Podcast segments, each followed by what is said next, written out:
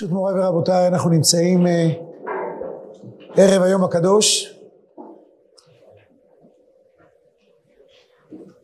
על הפסוק אה, בישעיהו, בקטע הראשון, דרשו השם בהימצאו, קראו בהיותו קרוב, נאמר לכך בגמרא בראש השנה בקטע השני. אמר רב שמואל, מרינה משמי דרב, מניין לגזר דין של ציבור שאינו נחתם. זאת אומרת, תמיד אפשר לשנות אותו. אינו נחתם, ואכתיב נקטם עוונך לפניי. הקדוש ברוך הוא אומר שזהו, הכתם הוא גדול, מגיע עונש, אלא אף על גב שנחתם, נקרא. שנאמר כהשם אלוקינו, בכל קוראינו אליו. אפשר לפנות לקדוש ברוך הוא תמיד, והוא שומע. שואלת הגמרא, והכתיב דרשו השם בהימצאו. זאת אומרת, יש פעמים שהוא נמצא, ויש פעמים שהוא לא נמצא, כי כתוב בהימצאו. עונה הגמרא, אטם ביחיד, אחא בציבור.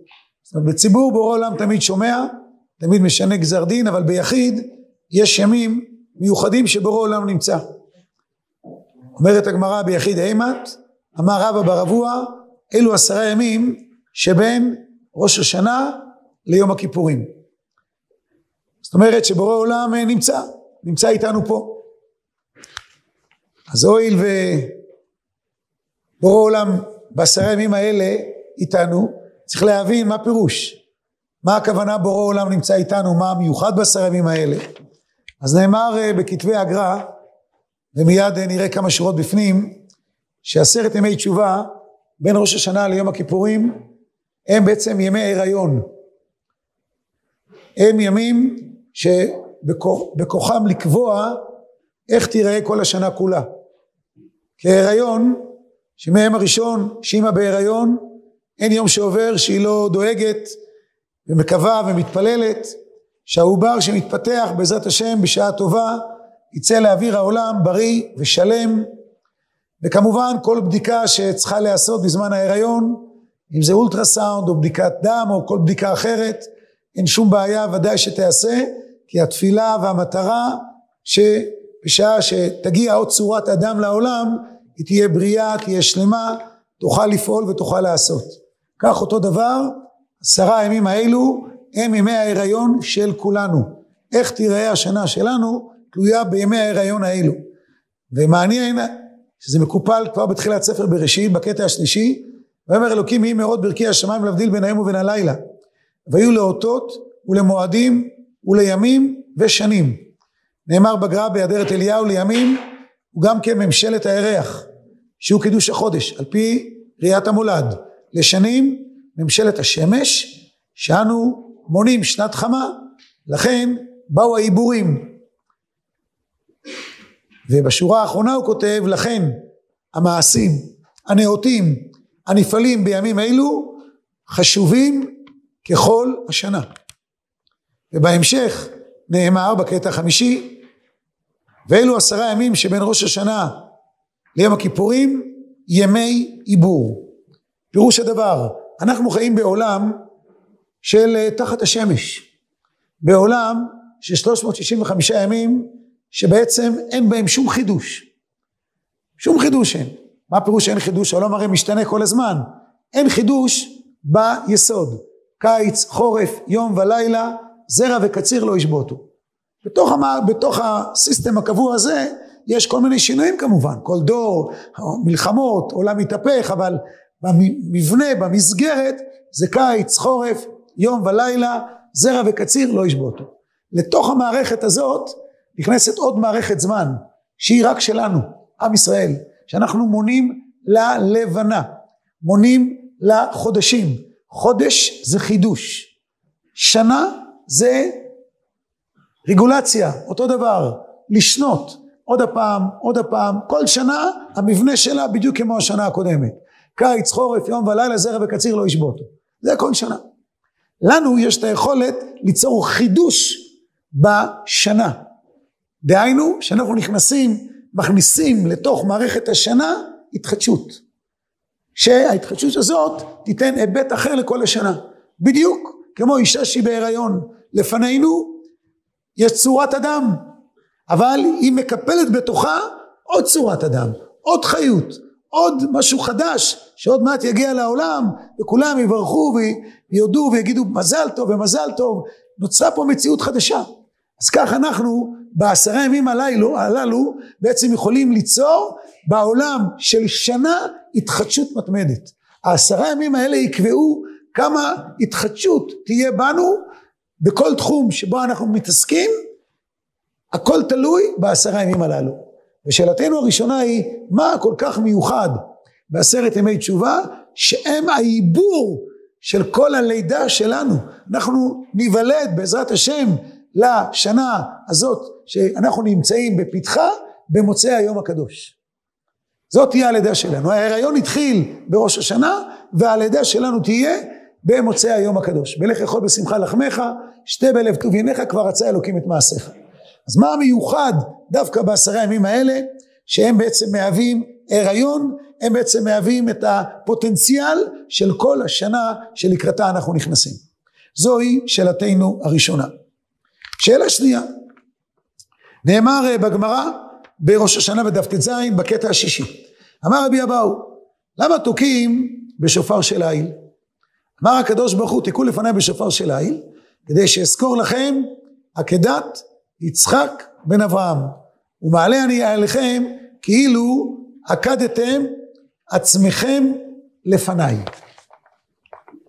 אם אנחנו רוצים להזכיר את עקדת יצחק ההיגיון היה מבקש שבראש השנה אה, נאכל אה, או בעשרת ימי תשובה נאכל בשר של עיל כמו שיש מצווה מדאורייתא לאכול מצה בפסח כך תהיה מצווה לאכול בשר של עיל שופר זה דבר צדדי והנה עיל נאחז בסבך בקרניו ולכן זה אפשר לאברהם לתפוס את העיל ולעשות את כל פעולת העקדה והשחיטה. אז מדוע כדי להזכיר ולהיזכר לפני בורא עולם בעקדת יצחק וכאילו עקדנו עצמנו לפניו זה בא דווקא על ידי שופר. היה ראוי שזה יבוא על ידי אכילת בשר של עיל הרבה יותר מתבקש זה הרי הבמקום. שאברהם מוריד את יצחק זה העיל. אז מדוע דווקא השופר דבר שלישי שאלה נוספת. בכל הסליחות של עשרת ימי תשובה לפי חלק מהמנהגים יש כל לילה סליחה אחת שעוסקת בעקדת יצחק. בצורה כזו ובצורה אחרת. בין הסליחות שעוסקות בעקדת יצחק הנה לפנינו בקטע השביעי נאמר כך על אברהם אבינו. די בהתחלה שורה רביעית הצלתו מאור כסדים גיננתו בעמק הסידים. הקדוש ברוך הוא הציל את אברהם שהוא הלך להציל את לוט וידתו שכרך הרבה מאוד הבטחת לו שכרך הרבה מאוד ויתקתו רוב עושר וכבוד הבטחת לו עושר וכבוד זעק והשיב מה תיתן לי?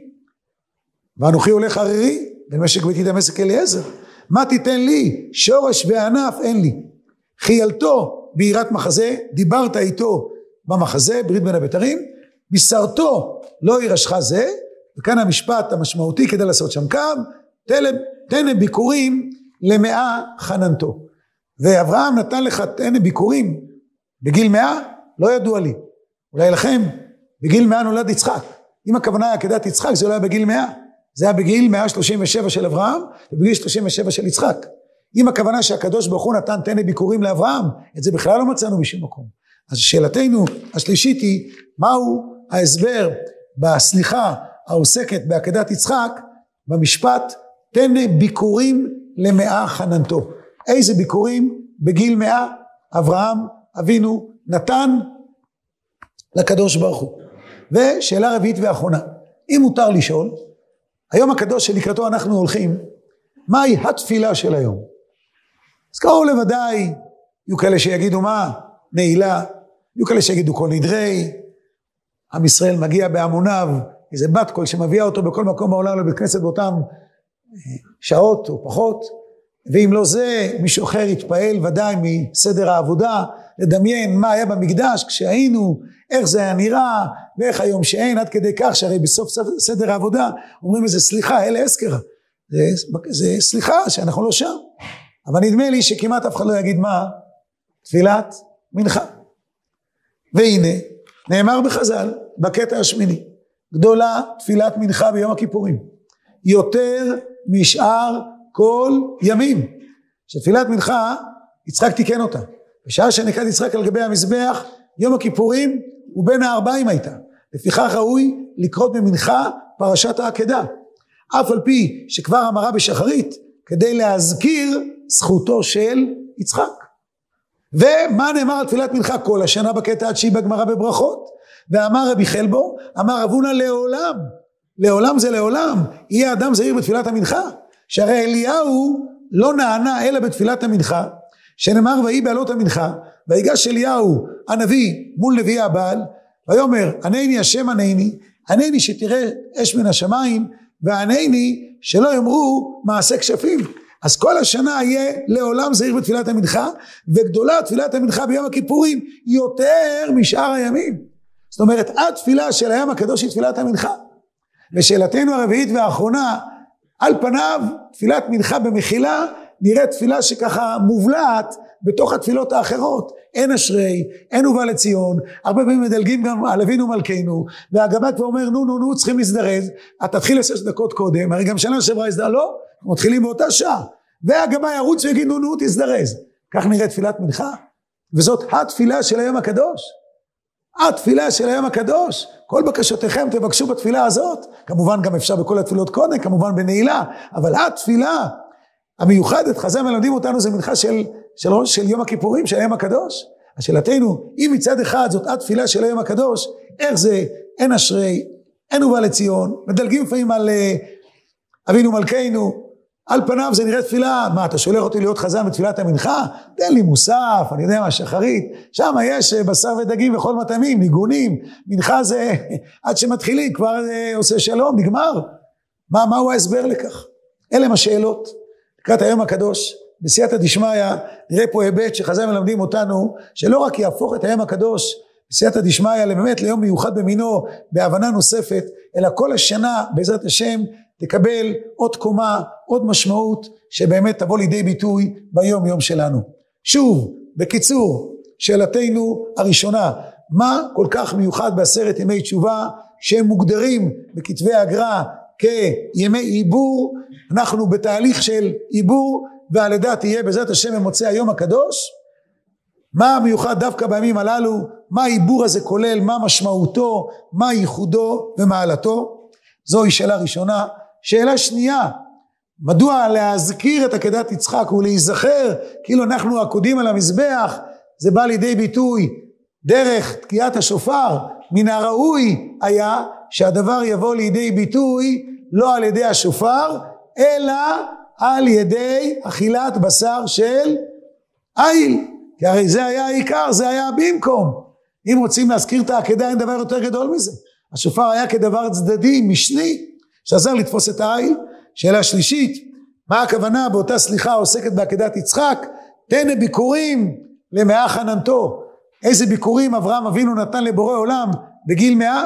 לא מצאנו, לא שמענו, לא ראינו. אז מה הכוונה בדברי הסליחה האלו?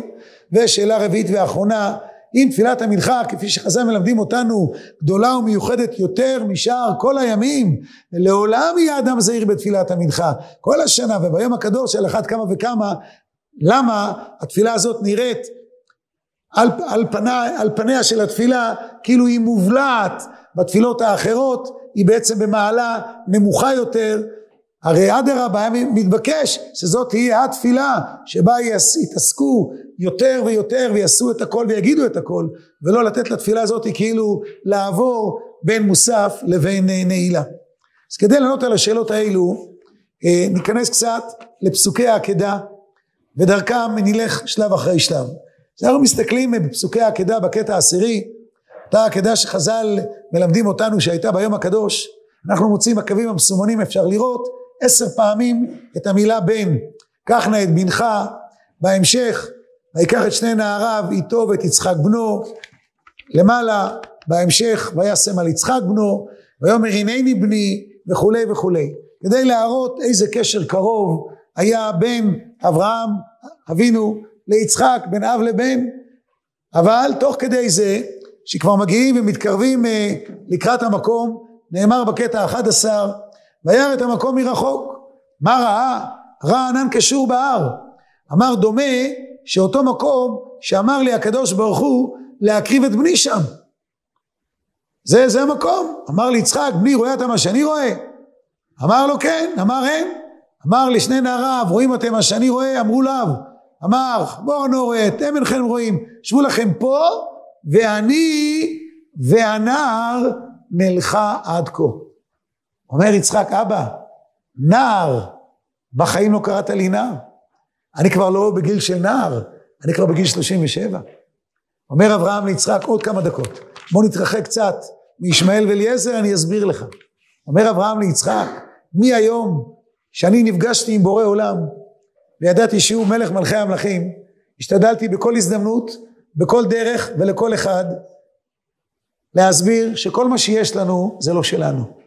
כל מה שיש לנו, מי שנותן את זה זה הקדוש ברוך הוא. אנחנו יכולים רק להחזיר לו, לא לתת, כי אין לנו מה לתת, הכל שלו. בא למלך סדום, אחרי הניצחון הגדול, המופלא, שהצלתי את לוט, אומר לי, תן לי הנפש, והרכוש קח לך. הרכוש קח לך, אתה לא נותן לי כלום, יש בעל הבית שנותן לי. אני ממך לא לוקח שום דבר, לא מחוט ועד צרוך נעל. בורא עולם, שומע את זה, אברהם חוזר הביתה אחרי הניצחון הגדול, מבטיח לו בורא עולם שכרך הרבה מאוד. אומר אברהם, ריבונו של עולם, מה אתה מתכוון שכרך הרבה מאוד? עוד עבדים, עוד כבשים, עיזים, אני רוצה המשך. אמר לו הקדוש ברוך הוא, לא ירשך זה אשר יצא ממניך או ירשך. מה אומר אברהם? אברהם אומר, בורא עולם, בוא ניקח את מה שאני עושה עד היום בעולם לעוד מדרגה. עד היום הראיתי בכל העולם, איפה שאני רק יכולתי, שכל מה שיש לנו זה לא שלנו. הכל בא מבורא עולם, אנחנו יכולים רק להחזיר לו. בורא עולם אומר אברהם, תן לי בן, ואני אראה שגם הוא שלך. ומתי שתרצה, אני אחזיר לך אותו. עונה לו הקדוש ברוך הוא, לא יירשך זה, אשר יצא ממך, הוא יירשך, יהיה לך בן. ומהרגע שנולד יצחק, ידע אברהם אבינו, שיבוא יום והקדוש ברוך הוא ידפוק בדלת. והקדוש ברוך הוא יגיד, אתה זוכר מה דיברנו? מה אמרת? עכשיו, קח נא את בנך, את יחידך, ועלהו לעולם. אבל אברהם אבינו ממתין לרגע הזה. הוא יודע שהוא יגיע. ושנבין יותר, כשאברהם אבינו הולך לעקדה, מתנהלת כאן מלחמה, מלחמת עולם, בין אברהם אבינו לשטן. אנחנו הרי אומרים, ובבן הנעקד ישבית מדנינו. אם אברהם עומד בניסיון הזה, השטן באיזשהו שלב בהמשך גומר. ותראו מה עושה פה השטן, זה לא יאומן לרגע אחד בקטע 14 מעבר לעמוד, נאמר, ביום השלישי, וירא את המקום מרחוק, וכי מאחר שהדרך קרובה, למה נתעכב שלושת ימים? כיוון שראה השטן שלא קיבלו ממנו, מי לא קיבלו? אברהם ויצחק, הלך ונסע לפניהם נהר גדול. מיד ירד אברהם לתוך המים, לבדוק את עומק הנהר, והגיעו עד ברכיו. אמר לנעריו אין מה לדאוג, בואו אחריי. ירדו אחריו, כיוון שהגיעו עד חצי הנהר, הגיעו המים עד צווארו. אותה שעה תלה אברהם עיניו לשמיים. מה לפניו ריבונו של עולם? בחרתני, הורדתני, נגלית לי, אמרת לי, אני יחיד ואתה יחיד, ועל ידך יוודע שמי בעולמי. ואעלה את יצחק, בנך לפניי לעולם. כך אמרת לי, ולא הקפתי, והרי אני עוסק בציווך. עכשיו באו מים עד נפש. אם אני או יצחק בני תובע, מי יקיים מאמרך? על מי יתייחד שמך? אמר לו הקדוש ברוך הוא חייך שעל ידך יתייחד שמי בעולם. מיד גר הקדוש ברוך הוא את המעיין ויבש הנהר ועברו ועמדו ביבשה. פירוש הדבר אברהם אבינו אומר בורא עולם אתה רוצה אני כמו שהבטחתי לך אבל תאפשר לי. אז מה בעצם נוצר פה? הנהר נקרע ועברו ביבשה. מבחינת מעשה אבות סימן בבנים. בורא עולם הוצאת אותנו מבית עבדים כדי לקבל את תורתך, כדי להיות עמך, אשר בחרת באברהם, יצחק ויעקב, היה מקדימה, המצרים מאחורה, חיות רעות מסביב. אז מה, איך אפשר? רק שבוע קודם היינו במצרים, אז מה עושים? מה קורה, מה אומר הבורא עולם? זהו, הנה, הים נבקע. זאת אומרת, מה שקרה אצל אברהם, קורה גם אצלנו, בהליכה להיות בהם להיות באמת העם הנבחר, לקיים באמת אתה בחרתנו מכל העמים. ואברהם אבינו הולך, ואת כל זה הוא אומר ליצחק. הוא אומר ליצחק אתה לא חייב כלום, אתה לא הבטחת, אני הבטחתי לבורא עולם. אומר יצחק, אבא תן לי יד, והלכו שניהם יחדיו. וכשמגיעים, ואברהם מוקד אותו, נאמר בקטע החמש עשרה, ויעקוד את יצחק בנו. בשעה שביקש אברהם לעקוד יצחק בנו, אמר לו, אבא, בחור אני, וחוששני שמא יזדעזע גופי מפחדה של סכין, ויצער אותך, ושמא תיפסל השחיטה, ולא תעלה לך לקורבן, אבא כופתני יפה יפה. זאת אומרת, אומר יצחק אבא, האינסטינקט של כל אחד, אתה מקרב את היד למישהו, ישר הוא ככה זז. סכין על אחת כמה וכמה. אז אבא, תקשור אותי חזק, שים לי אבנים משני צידי הראש, שאני לא יזוז, שהשחיטה לא תיפסל. זאת אומרת, מה שקורה פה, דבר מדהים. אברהם אבינו, מהרגע שנולד יצחק, הוא יודע שיגיע היום. ובורא עולם, כמו שאמרנו, יגיד לו, הנה עכשיו, קח את בנך. הגיע הרגע ויצחק הולך איתו ביחד. והם עומדים בניסיון האדיר הזה. אומר אברהם, בורא עולם, אולי בכל זאת אני אעשה בו משהו, להוציא קצת דם. אברהם לא היה צמא דם חס וחלילה, אלא בעצם אם מסתכלים עד הרגע הזה, שמלאך השם עוצר אותו ואומר לו אל תשלח ידך אל הנער. אם המלאך היה אומר לו אל תשלח ידך אל בנך, אברהם היה שוחט. הוא היה מבין זה עוד תרגיל של השטן ברגע האחרון. אבל נער, מי יודע על השם הזה? זה מה עכשיו, פעם ראשונה, לפני שעה, אולי קצת יותר. וזה הקריאה האלוקית נער, הוא מבין שזה משמיים. ואז מה אומר אברהם? אולי אני אעשה בו בקטע ה-16, לחינם באתי לכאן. זאת אומרת בעצם אברהם לא עשה שום דבר, אעשה בו חבלה, הוציא ממנו מעט מים. למה? כדי את הכוח הזה, את העוצמה האדירה הזאתי, להשאיר אותה פה בעולם. איזה עוצמה?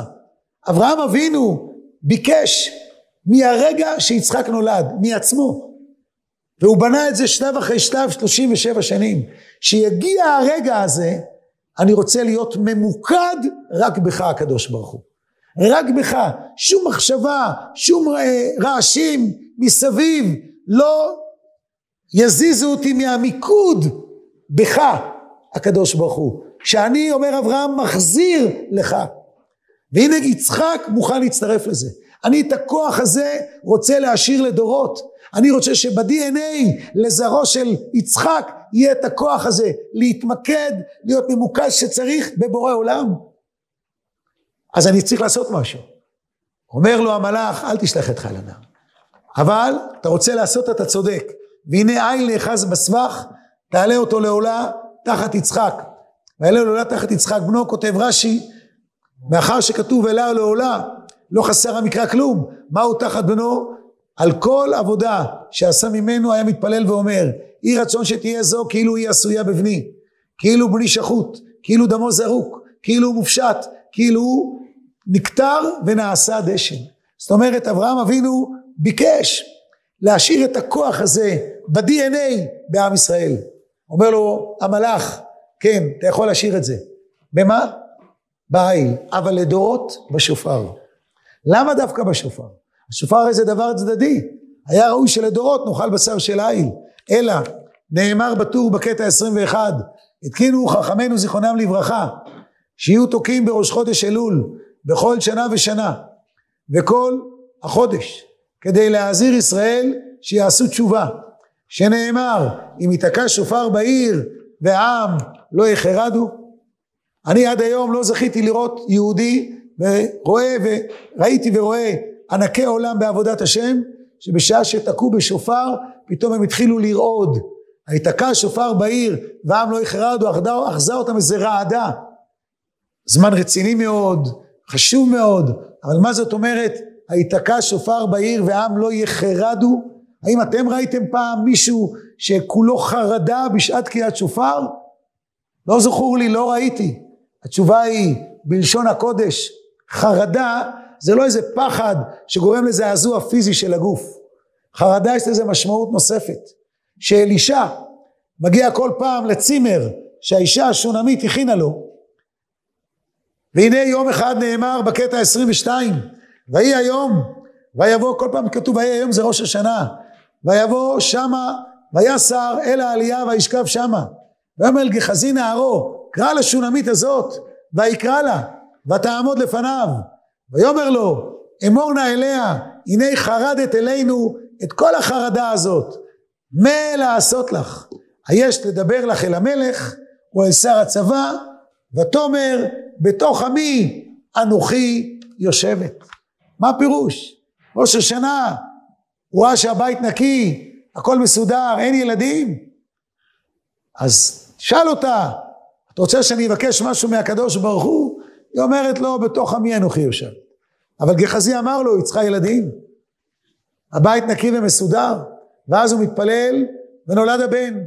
והבן הזה גדל, והלך לעזור לאבא בעבודה, חש בראשו, שלח אותו הביתה עם הפועלים, והוא מת. אמא שמה אותו על המיטת הנביא, ואלישע בא ומחיה אותו. יודעים איך קוראים לו? לאותו ילד, חבקוק. זה הנביא חבקוק. ולמה נקרא שמו חבקוק? אומרים חז"ל, שאמא שלו חיבקה אותו פעמיים. פעם ראשונה אחרי הרבה שנים של עקרות, ופעם שנייה שאלישע החיה אותו. וזה חבקוק, חיבוק כפול. אומר לנו בגמרא במסכת מכות, שכל התורה כולה, כולה, עומדת על יסוד אחד. וצדיק בא חבקוק והעמידם על אחת. וצדיק באמונתו יחיה. אז מה הפירוש כאן שאלישע אומר הנה חרדת אלינו את כל החרדה הזאת. חרדה פירוש הדבר בלשון הקודש לא רק רעידה פיזית של האדם אלא יכולת למקד את תשומת הלב לדבר אחד להיות מרוכזים בדבר אחד. כל פעם שאנחנו מגיעים אלייך כאילו העולם נעצר. את דואגת רק לנו צריך להביא משהו חסר זה דולק בסדר החימום הקירור עוד משהו כאילו אין לך שום דבר אחר לעשות חרדה פירוש הדבר מיקוד של הכוח. היתקע שופר בעיר והעם לא יחרדו. לשופר יש כוח ליצור בנו יכולת למקד, למקד את הכוחות שלנו. להתרכז במה שאנחנו עושים. פירוש הדבר, כשהקדוש ברוך הוא ברא אותנו, הוא לא אמר, לא אומר ולא יגיד לאף אחד מה לעשות. כל אחד יבחר את התחום שהוא חושב שבו יכול לצמוח, יכול לבטא את האישיות שלו, אבל לזכור בכל תחום שבוחרים, לא לשכוח להיות ממוקדים בדבר אחד, איך בתחום שאני מתעסק בו או אתעסק בו מחר יוכל לתת מקום לקדוש ברוך הוא להיכנס, איך אני אוכל להרבות יותר כבוד שמיים, שיש את המחשבה הזאת אז כל העשייה היא ברמה אחרת. פירוש הדבר, כשאדם עובד, תעשה את העבודה הכי טוב שאתה יכול. אתה מתעמל, אתה רץ, אתה הולך לחדר כושר, תעשה את זה הכי טוב שאתה יכול. אבל כשאתה בא אליי לבית המדרש, כשאתה בא אליי לבית הכנסת, תהיה איתי. שים את הכל בצד. תהיה מכוון אליי, אליי. והביטוי הגדול של זה, זה תפילת המנחה. כי לקום בבוקר, להתפלל שחרית, למה לא? קמים בבוקר, שותים תה, קפה, עם סוכר, בלי סוכר, כל אחד לפי השיטות וכולי, והולכים להתפלל. באים הביתה בערב, אוכלים, נחים, לומדים עם הילדים, ויש זמני מעריב, כל חצי שעה יש מניין, אפילו פחות מזה. אבל באמצע היום בורא עולם, באמצע היום מנחה, אני בוול סטריט, כל הזמן החיצים משתנים, פעם ירוק, פעם אדום, פעם שחור, הכל עולה, יורד, בורא עולם במחילה, עכשיו זה לא הזמן. מה? עכשיו זה לא הזמן, מי נותן את הכל? על ידי מי אנחנו מקבלים? לנו אין כלום, בורא עולם נותן לנו. אז כשאדם יודע בתפילת המנחה, זה באמצע העיסוק, רגע, אני עכשיו עוצר? אני ממוקד מטרה, אני לרגע לא שוכח ממי הכל. אז דווקא בשיא ההתעסקות יש מניין, אדרבה, נעצור, ניכנס לחדר, נתפלל.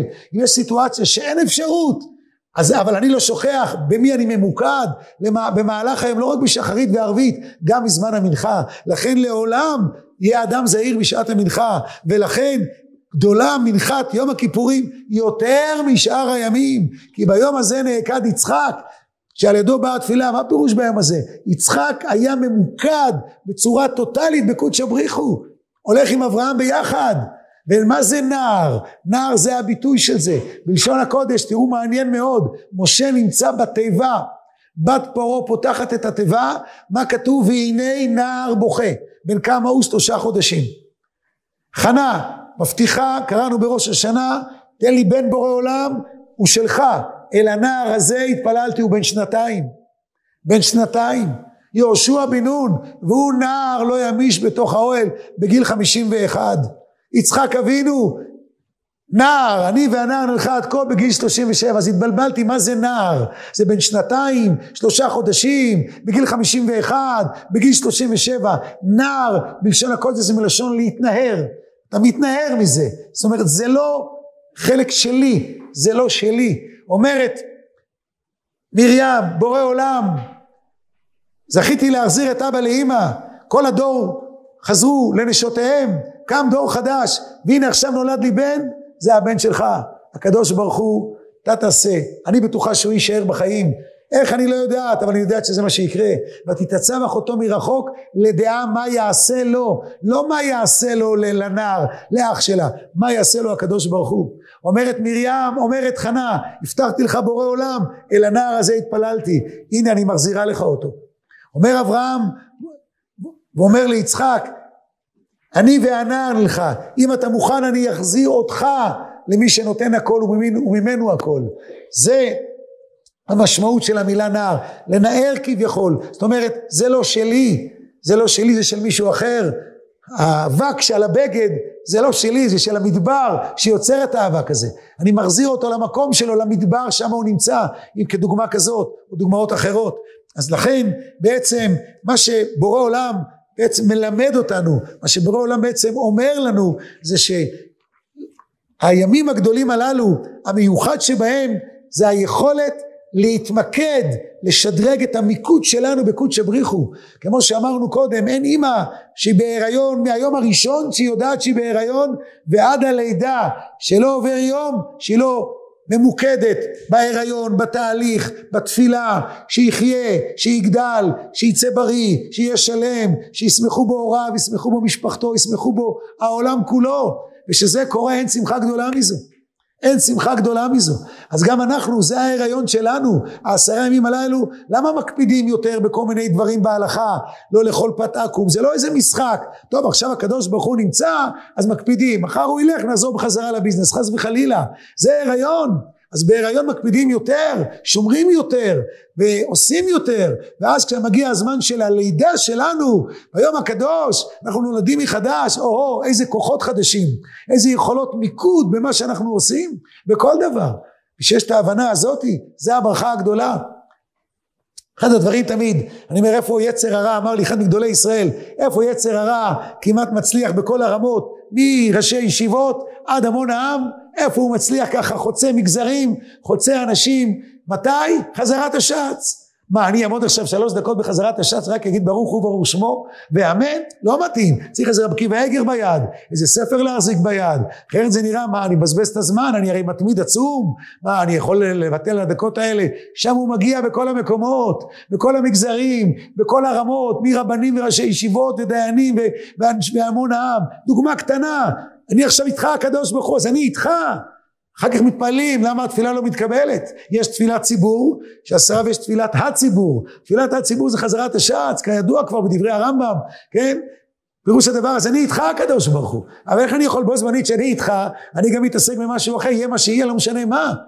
אז יש את ההבנה כדוגמה קטנה יש את היכולת הזאת אני עכשיו לומד שעה אני יכול ללמוד שעתיים כמה אני ממוקד בך משתדל הקדוש ברוך הוא. אני איתך ביחד. אז כשאני איתך אז אני איתך, כשאני בג'ים, כשאני בספורט, כשאני בהתעמלות, כשאני בעבודה או בכל תחום אחר שבו אני נמצא, אני גם שם משתדל להתמקד. להיות טוב בכל, בכל שלב שבו אנחנו מתעסקים, שחיים כך, אז יש יכולת לראות דברים בגדול, יש יכולת לראות את הדברים אחרת, ואז תראו מה קורה לנו, וזה השופר שמתחיל למקד אותנו בראש השנה, ו... השופר שאיתו אנחנו יוצאים לשנה במוצאי היום הקדוש. איך נאמר על השופר בקטע 24, אתה נגלית בענן כבודיך לעם קודשך לדבר עמם מן השמיים, השמעתם קולך ונגלית עליהם בערפלי תואר, גם כל העולם כולו חל מפניך, בריות בראשית חרדו ממך וכולי וכולי. מה נאמר בהמשך? בקולות וברקים עליהם נגלית ובקול שופר עליהם הופעת. שמים לב ללשון הזהב של חז"ל בקולות וברקים עליהם נגלית ובקול שופר עליהם הופעת. כשאנחנו שרים או קוראים זה עובר לנו ככה ליד. מה זה נגלית?